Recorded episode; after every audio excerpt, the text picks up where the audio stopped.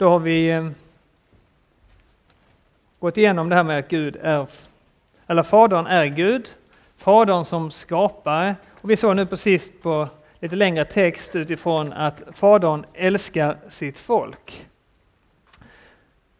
Sista delen här ska vi ägna oss åt att Fadern älskar dig och mig.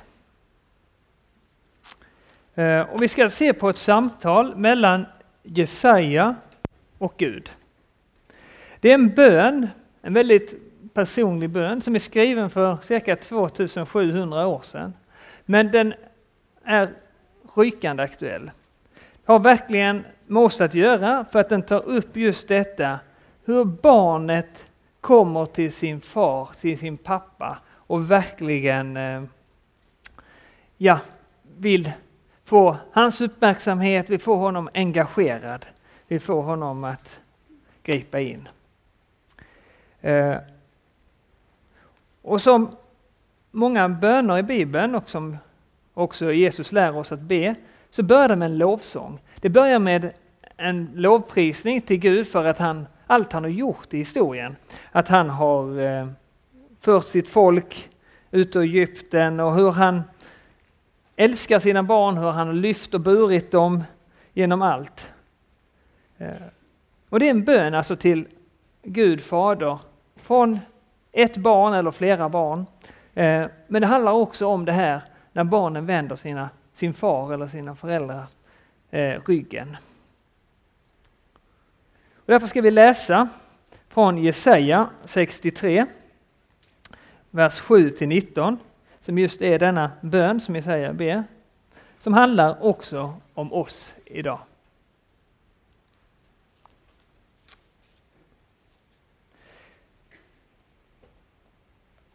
Herrens nådegärningar, alltså hans nåd, vill jag förkunna. Ja, Herrens lov efter allt vad Herren har gjort mot oss. Det överflödande goda mot Israels hus som han har gjort med, mot dem efter sin barmhärtighet och sin nåds rikedom. Ty han sa, alltså Gud sa, det är ju mitt folk, barn som inte ska svika, och han blev deras frälsare. I all deras nöd var ingen verklig nöd, ty hans ansiktes ängel frälste dem. I sin, alltså Guds kärlek och medömkan återlöste han dem. Han lyfte alltid upp dem och bar dem i forna dagar. Men de var upproriska och bedrövade hans heliga ande. Därför blev han deras fiende. Han stred själv mot dem. Då tänkte hans folk på gångna tider. De tänkte på Mose. Var är nu han som förde dem upp ur havet tillsammans med herden för hans jord? Var är han som lade sin heliga ande i deras bröst? Han som lät sin härliga arm gå fram vid Moses högra sida. Han som klöv vattnet framför dem och därmed gjorde sig ett evigt namn. Han som förde dem genom djupen så att de likt springare, alltså hästar i öknen, inte stapplade. Som när bo boskap går ner i dalen fördes det av Herrens ande till ro. Så ledde du ditt folk för att göra dig ett härligt namn. Skåda ner från himlen, se till oss från din heliga och härliga boning. Var är nu din nitälskan och din väldiga kraft, ditt hjärtas medkänsla och din barmhärtighet? Det har dragit sig tillbaka. Du är ju vår fader.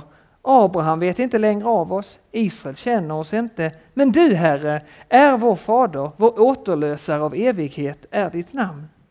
Varför, Herre, låter du oss gå vilse från dina vägar och varför förhärdar du våra hjärtan så att vi inte fruktar dig? Vänd tillbaka för din tjänares skull, för din arvedels stammars skull. En liten tid ägde ditt, folk, ditt heliga folk sitt land. Våra fiender trampade ner din helgedom. Vi har blivit lika dem som du aldrig har varit herre över, dem som inte har uppkallats efter ditt namn. Det börjar med en lovprisning om allt vad Gud har gjort, men sen brister Jesaja ut. Var är du nu, vår far, vår pappa? Han vädjar till Fadern om medkänsla. När patriarkerna i Abraham, Isak och Jakob, de är sedan länge döda. Vem ska nu leda oss genom livet? undrar Jesaja i sin bön till Fadern. Jesaja beskriver här helt enkelt, eller beskriver sig själv och sitt folk som föräldralösa barn. När pappa, när far upplevs som långt borta. Vers 15. Var är nu din nitälskan och din väldiga kraft, ditt hjärtas medkänsla och din barmhärtighet? De har dragit sig tillbaka. Jesaja ställer de svåra frågorna i bönen till Gud. Var är du Gud? Var har du tagit vägen? Och Jesaja hänvisar envist till Fadern och säger, du är ju vår fader. Abraham vet inte längre av oss, Israel känner oss inte, men du Herre är vår fader. Vår återlösa av evighet är ditt namn. Kanske är det någon här som har vuxit upp utan en eller båda sina föräldrar. Eller som har förlorat dem ganska nyligen, hur det nu är. Och då vet du hur det känns. Det här att rädslan när man ska förlora någon som verkligen är betydelsefull, som man älskar. Och det är så här den känslan Jesaja kommer i sin bön till Fadern, som ett barn som du, du är ju vår pappa, du bryr dig om oss, visa det, var inte tyst, var inte långt borta, var är du? För övrigt så är det jobbigt att förlora föräldrar även när man är vuxen. Eh, och därför är det en känsla, jag tror många kanske kan ändå förstå.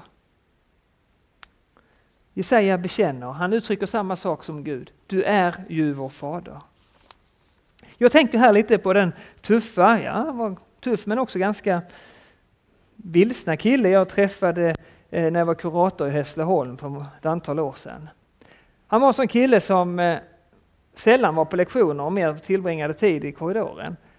Och hans pappa var inte närvarande, han bodde med sin mamma och ett antal syskon, ganska många. Men han var sådär, hade svårt att sitta still, svårt att koncentrera sig, han var orolig, han skulle stöka lite. Eh, och en dag så kom jag ut i korridoren och så ser jag att han vaggar omkring där lite, så säger jag, du kom med in här, ska vi prata lite. Så frågar jag, hur är det? Jag är trött, säger han. Ja, så ställer jag frågan, har du, när la du dig igår? Uh, sent, ja då, ja vid midnatt. Ja. Var det ingen som sa till att du skulle gå och lägga dig? Nej, sa han. Ja, men skulle du vilja att det var det? Ja. Jag blev lite överraskad. Vill han inte vara uppe hur länge han vill? Det är väl oftast det man vill, i alla fall som yngre. Man tycker, åh vad häftigt man får upp för länge. Men för honom så var han ensam övergiven. Han hade ingen förälder som riktigt kände, som han kände att som brydde sig om honom. Som sa, nu är det dags för dig att gå och lägga dig. Och det var ett svek för honom och för mig blev det väldigt tydligt hur han kände sig utlämnad, övergiven av sina föräldrar. För att de, hans föräldrar tog inte det ansvaret och sa att, hör du, nu är faktiskt klockan tolv, du borde ha gått och lagt dig, du kommer inte orka skolan imorgon. Vilket han inte gjorde och då fick han kompensera det kanske med att gå ut lite oftare och stöka lite mer. Och för mig är det här någonstans där Jesaja är. Du är ju vår far Gud. I vers 9. Visa ditt engagemang som du gjort tidigare när du frälste Israel och befriade dem från egyptierna, från slaveriet. När du frälste oss och i kärlek och medömkan återlöste.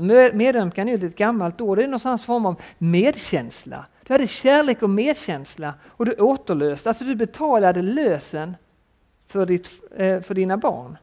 Vi som är kidnappade av djävulen. Och det står att Fadern lyfte upp och bar sina barn. Och det är ju liksom en bön som också vi får be till vår himmelske far, till vår himmelske pappa. Bär mig, lyft mig när jag tycker att det är svårt, när du känns långt borta, när jag inte vet var du är. Det är alltså en bön som vi säger blir lite i kris, som ett barn utan sin förälder eller föräldrar. Och det får vi också påminna Gud om. Du är ju kärleksfull. Du har ju visat din godhet genom att jag hela frälst men också det som du gjort i mitt liv på olika sätt. Och vi får påminna vår pappa, vår himmelske far, om hans löften och ropa, var är du? Visa dig, engagera dig. Också när han känns, eller särskilt när han känns avlägsen. Och Jesaja visar till och med på en andra gång att de svåra frågorna får vara med i bönen i vårt samtal med vår himmelska pappa. I vers 17, varför Herre låter du oss gå vilse från dina vägar och varför förhärdar du våra hjärtan som inte fruktar dig? Jesaja ropar sitt varför till Gud. Varför bryr du dig inte om att vi går på fel vägar?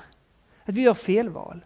Och här är vi inne på en väldigt svår, en svår paradox, alltså motsättning. Å ena sidan så har vi en fri vilja, vi har möjlighet att gå vilse. Å andra sidan så står det om att Gud förhärdar våra hjärtan.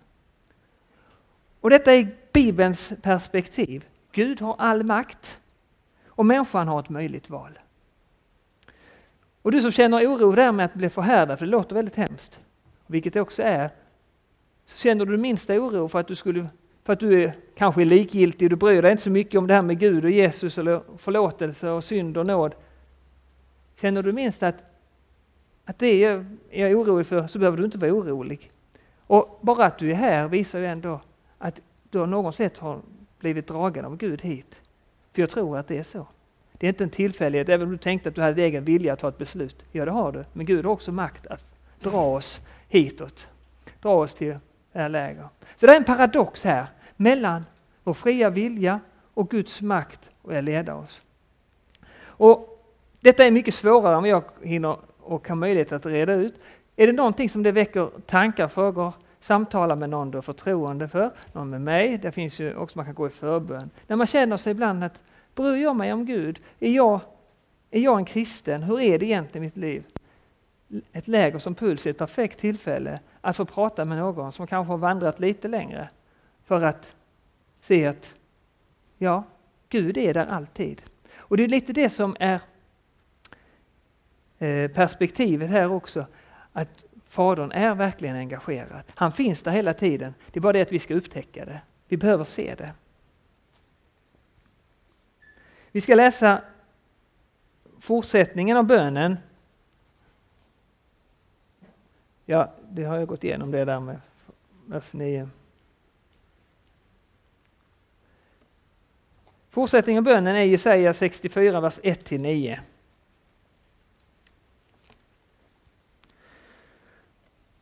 O, att du lät himlen rämna och kom hit ner så att bergen skakade inför dig, som när eld antänder ris och elden får vattnet att sjuda, så att ditt namn blir känt för dina ovänner och hednafolken darrar för dig. När du gjorde fruktansvärda gärningar som vi inte kunde vänta oss, då steg du ner och bergen skällde inför dig. Aldrig någonsin har man hört, aldrig har något öra uppfattat, aldrig har något öga sett en annan Gud än dig handla så mot dem som väntar på honom. Du kom för att hjälpa dem som övade rättfärdighet med fröjd, dem som på dina vägar tänkte på dig. Men se, du blev vred, ty vi syndade. Vi har gjort så länge. Ska vi någonsin bli frälsta? Vi är alla orena, alla våra rättfärdiga gärningar är som en smutsig klädsel. Vi kommer alla att vissna som löv. Som löv förs bort av vinden kommer vi att föras bort av våra missgärningar. Det finns ingen som åkallar ditt namn, ingen som vaknar upp för att hålla sig till dig, så du har dolt ditt ansikte för oss. Du låter oss gå under genom vår missgärning. Men Herre, du är vår fader, vi är leret och du är den som har danat oss, vi är alla verk av din hand. Var då inte omåttligt vred, Herre. Tänk inte för alltid på vår missgärning. Tänk på att vi alla är ditt folk, dina barn.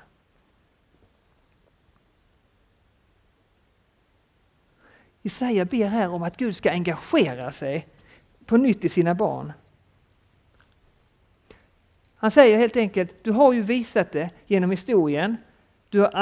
han pratar om här i början om bergen skälvde. Det var ju när Gud presenterar sig vid Sinai, när lagens tavlor gavs till Mose. Då blev liksom berget skakade, det uppfylldes av eld och rök. Och Jesaja ber om, stig ner, säger han i vers 1. O, att du lät himlen rämna och kom hit ner. Tänk att det får sitt främsta bönesvar i Jesus. Vilket bönesvar! Att Gud verkligen kommer ner och blir människa som oss. Och Jesaja påminner ju, vi är ju leret, precis som jag sa om krukmakaren, vi är ju leran i Guds hand. Ta dig an oss. Du är ju inte likgiltig, det har vi ju sett. Det vet jag Gud. Och jag tycker att hela denna bönen visar någonting på att vi får komma till Fadern, till Gud, som barnet kommer till sina föräldrar när det är en bra relation. Och det säger också i första Johannesbrevet 3.1, se vilken kärlek Fadern har skänkt oss att vi får kallas Guds barn. Och det är vi också. Fadern Han är densamma i Gamla Testamentet, i Nya Testamentet, idag och i all evighet. Och det är ju fantastiskt att vi har en far, en pappa, som verkligen är engagerad. Och som är angelägen om att få en relation till dig och mig, till alla sina barn. Men så talar Jesaja också om någonting som är svårt. Det han talar mycket om som är svårt. Men han talar också om Guds vrede. Guds vrede har sin orsak i att vi syndar, att vi fördärvar, bryter ner den goda skapelse som Gud har gett oss, som skapat. Lång ringsignal här. Du kom för att hjälpa dem, står det i vers 5, i 64.5. Du kom för att hjälpa dem som övade rättfärdighet med fröjd, dem som på dina vägar tänkte på dig. Men se, du blev red, ty vi syndade. Vi, gjorde, vi har gjort så länge. Ska vi någonsin bli frälsta? Hur ska vi bli räddade när det finns så mycket ondska också i mig? Här igen, vår ondska, vår, vår synd möter en helig Gud. Och då får vi veta att Fadern älskar dig och mig. Vi får komma och bekänna också det som har blivit fel i våra liv för Gud. Vem har inte blivit arg på sina syskon när de fördärvar det du gjorde i sandlådan eller det lego du byggde? Vem har inte anledning att bli arg på den som fördärvar det som du har skapat eller byggt? Därför har vi heller ingenting att förebrå Gud för att han blir arg, vred på oss när vi vänder honom ryggen, när vi liksom är likgiltiga inför honom. Det är berättigat att han reagerar på vår nonchalans. Och samtidigt så står vi också utan, utan ord när vi möter den kärlek som Fadern visar oss. Det omsorg och engagemang som Fadern har att upprätta relationen mellan oss och Gud i denna skadade värld. Och vi ser ju det ytterst. Jesaja som jag sa, bönesvar är ju att Jesus föds till jorden. Kom hit ner och det uppfylls ju genom Jesus.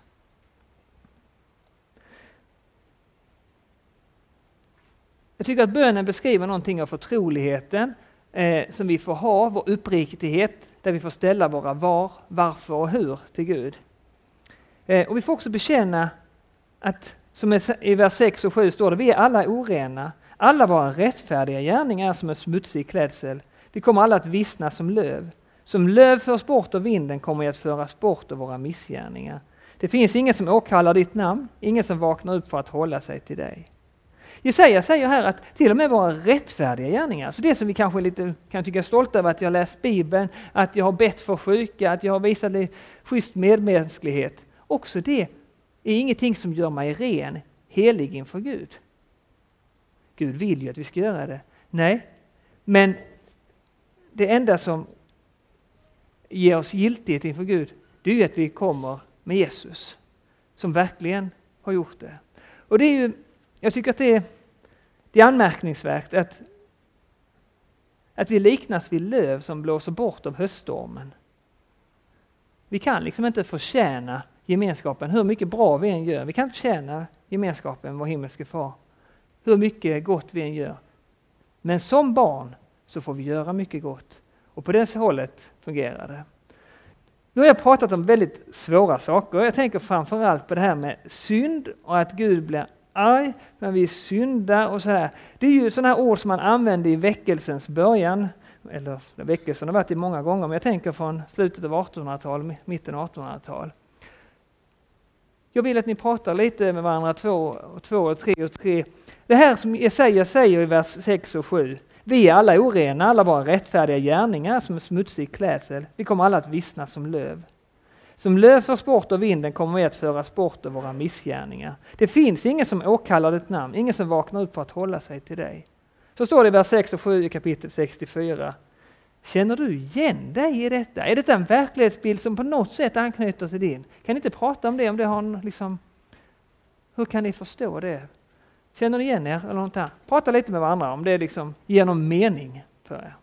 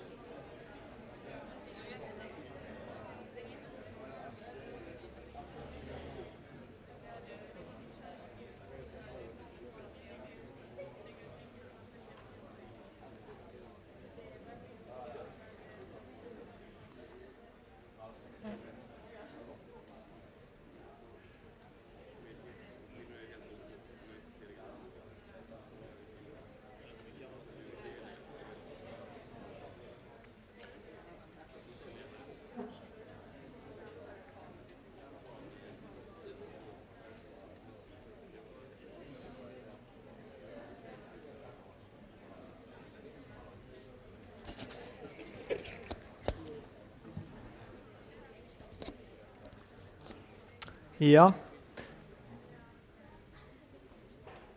Jag vill mest att ni ska komma in i lite. Detta är ett centralt begrepp i Bibeln, här med synd och nåd och förlåtelse. Eh, är det någon som vill kommentera någonting så här, rakt upp och ner? Eh, jag vet att det inte är så enkelt att göra det, men förhoppningsvis så kan det ändå väcka någonting att se att det där att vi bryter mot Gud, att vi gör mot vår Fader, vår skapares vilja, det är ett brott som väcker hans reaktion. Och för det så behöver man försonas, som i alla andra relationer. Och då är det fantastiskt att vi har en pappa som har skapat oss, vi är leret i hans hand.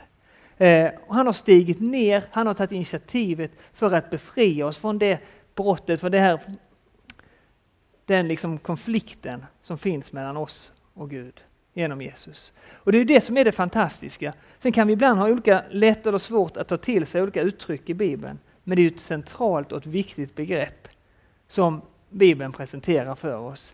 Att vi har brutit mot Gud genom att skada, fördärva och bryta den skapelse som han har gjort. Och i det så behöver vi försonas och upprättas.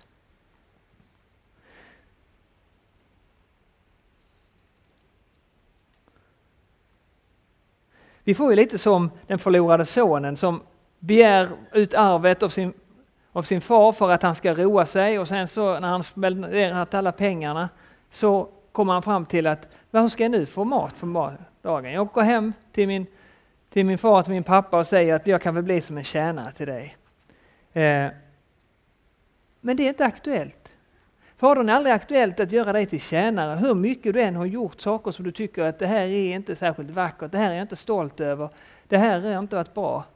Eh, så ställer han till med fest. Om det är så för första eller 150 gången du vänder tillbaka så vill han klä dig i de finaste kläderna och ge dig massa goda presenter. Och det, så är Faderns kärlek. Den är liksom inte måttlig, inte lagom, utan den är slösande, oproportionerlig. Och Jesus förklarar detta alltid på ett lika träffsäkert sätt. Vem bland er ger sin son en sten när han ber om bröd eller en orm när han ber om en fisk? Om ni som är onda förstår att ge era barn goda gåvor, hur mycket mer ska då inte er fader i himlen ge det som är gott åt den som ber honom? Vem kan i godhet tävla med vår pappa, vår far i himlen? Om vi som är egoister och självupptagna ändå kan göra gott mot andra, hur mycket mer ska då inte vår far i himlen göra gott, han som är all godhet personifierad? Också Jesus lär oss, när han lär oss att be, så är det också den intima relationen han syftar på. Vi får ju be vår Fader, du som är i himlen, låt ditt namn bli helgat, låt ditt rike komma, låt din vilja ske i himlen så på jorden. Ge oss idag det bröd vi behöver och förlåt oss våra skulder, liksom vi har förlåtit dem som står i skuld till oss. Det är alltså en innerlig relation Jesus talar om, att vi får säga pappa, vi får säga vår fader till Gud. Och där får vi be om, både prisa honom för den han är, vi får be om dagligt bröd och om förlåtelse. Vi behöver alltså inte, som Israels folk gjorde i Egypten, leva som slavar under synd och ondska, det som är svårt. Utan vi är befriade genom Jesus. Eh, och vår far vill att vi ska bli befriade från det slaveri som du eller jag sitter fast i. Och jag vet inte vad det kan handla om, men det kan ju handla om just en bekräftelsebehov, om att vara populär, om att snyggare utseende eller en tränad kropp. Att få bekräftelse för sina prestationer och betyg. Eller att man får fler statusprylar.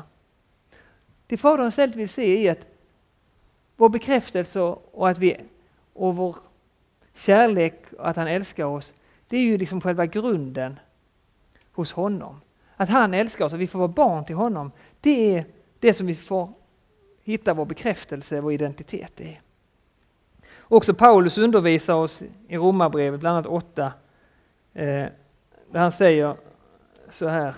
Ni har inte fått slaveriets ande så att ni på, no på nytt ska leva i fruktan när ni har fått barnaskapets ande, vilket vi ropar Abba fader. Det är alltså något verkligt intimt som vi får ha eh, till Gud när vi får säga pappa till vår himmelske far.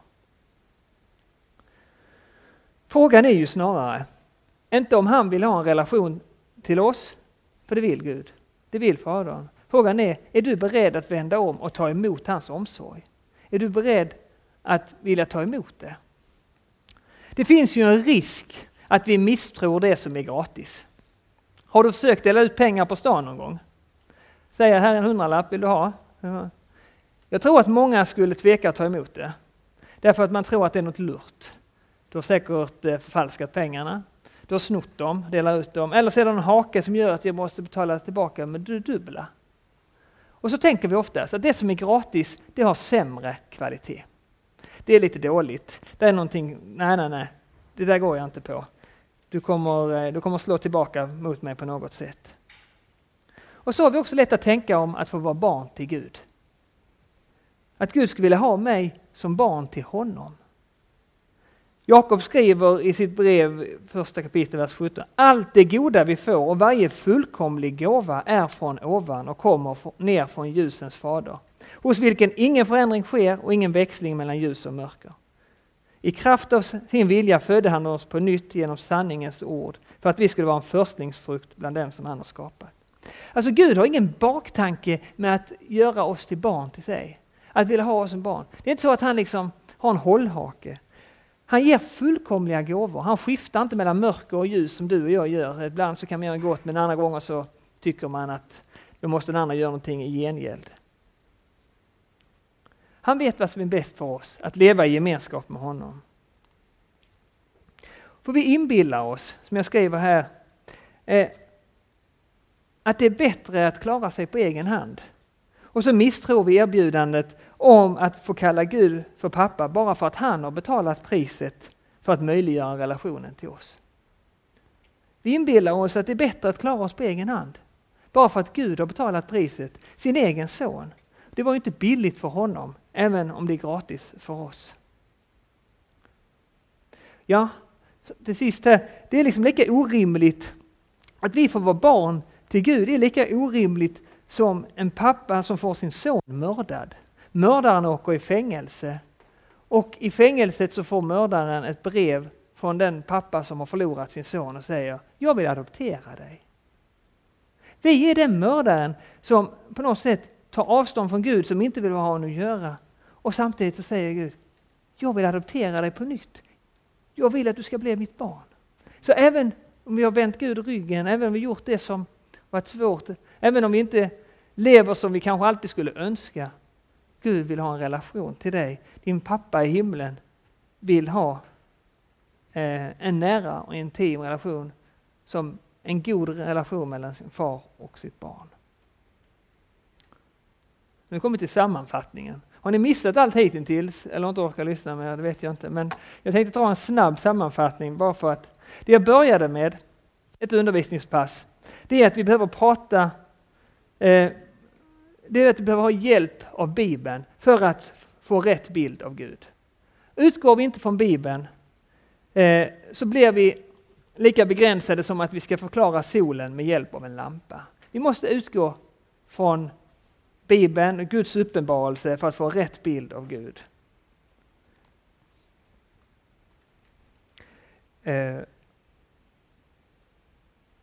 så vi måste helt enkelt börja i rätt ände.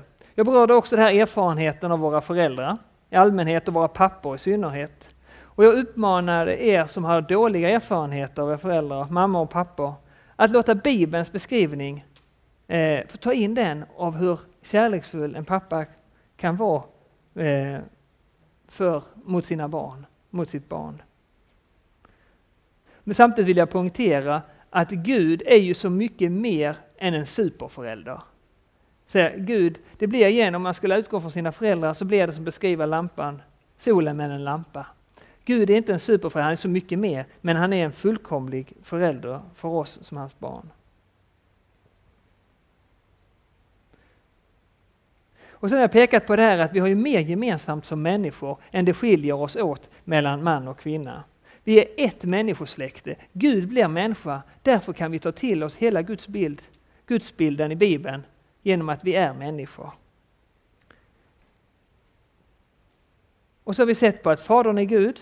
Det har bland annat att göra med att frälsningen ger giltighet. Vi har sett på att Fadern är skaparen, att det är han som har format oss, det är han som upprätthåller oss, det är han som gör att vi föds, lever och är till. Och så har vi fått följa Moses kallelse och Guds engagemang. Det är han som tar initiativet, han ser, hör och känner eh, och engagerar sig i sitt folk.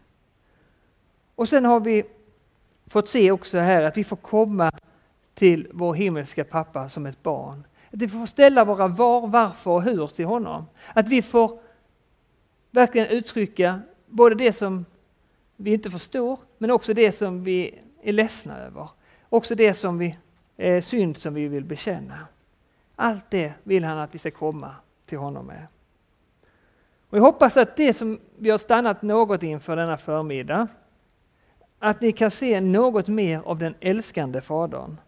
Och att oavsett vilka erfarenheter du har av dina jordiska föräldrar, så ser du att din himmelska pappa, han bryr sig om dig. Och han engagerar sig så totalt i dig att han var beredd att ge, det, ge sin enda son för att du och Fadern ska försonas, för att vi ska få evigt liv. Och till sist, absolut sist, så vill jag ge en hälsning till dig här inne eh, från Gud. Eh, om du har svårt att se Gud som en fader, så vill jag, om du har svårt att se det som något positivt, så är det en hälsning från Gud eh, där han säger, jag är de faderlösas fader. Och det står i Psaltaren 68. Jag ska avsluta med att läsa några verser därifrån. Psaltaren 68, vers 5-10. Sjung till Guds ära, prisa hans namn. Bered väg för honom som drar fram genom öknarna. Hans namn är Herren, gläd er inför honom. Gud i sin heliga boning är det faderlösas fader och änkors försvarare. En Gud som ger dem ensamma ett hem och de fångna frihet och lycka. Men de upproriska måste bo i en öken. Gud, när du drog ut i spetsen för ditt folk, när du gick fram i ödemarkens hela, då bävade jorden, då strömmade regn ner från himlen inför Gud. Själva Sinai bävade inför Gud, Israels Gud. Ett nåderikt regn lät du falla, Gud, när, du, när din egendom var uttorkad, gav du den nytt liv. Gud ger nytt liv, han som är de faderlösas fader och änkornas försvarare. Han ger dem ensamma ett hem, de fångna frihet. Gud Fader allsmäktig och skapare är skapare av himmel och jord. Fadern älskar sitt folk och han älskar dig och mig. Låt oss nu be tillsammans. Jesus, jag tackar dig för din kärlek. Fader, jag tackar dig för din omsorg, för ditt engagemang. Jag tackar dig Herre för att du bryr dig om oss. Tack Far i himlen för att, vi, du är allas pappa. Tack för att du så helt och fullt är engagerad i var och en av oss. Att du ser hur vi har det, hur vi känner det. Jag ber Herre att du ska komma till oss och lägga till rätta allt det vi har fått ta emot och att det får bli någonting som blir till liv. Att vi får känna en glädje över att ha en så engagerad himmelsk pappa som har skapat oss, som känner oss, som har format oss. Herre, tack för att du ser, hör och känner hur vi har det och att du vill att vi ska komma till dig. Vi prisar och lovar dig Gud för att du är den du är, att du håller hela världen i din hand. Tack för frälsningen, att du gav oss din enda son Jesus. Tack för din kärlek. Tack för att du älskar oss var och en. Amen.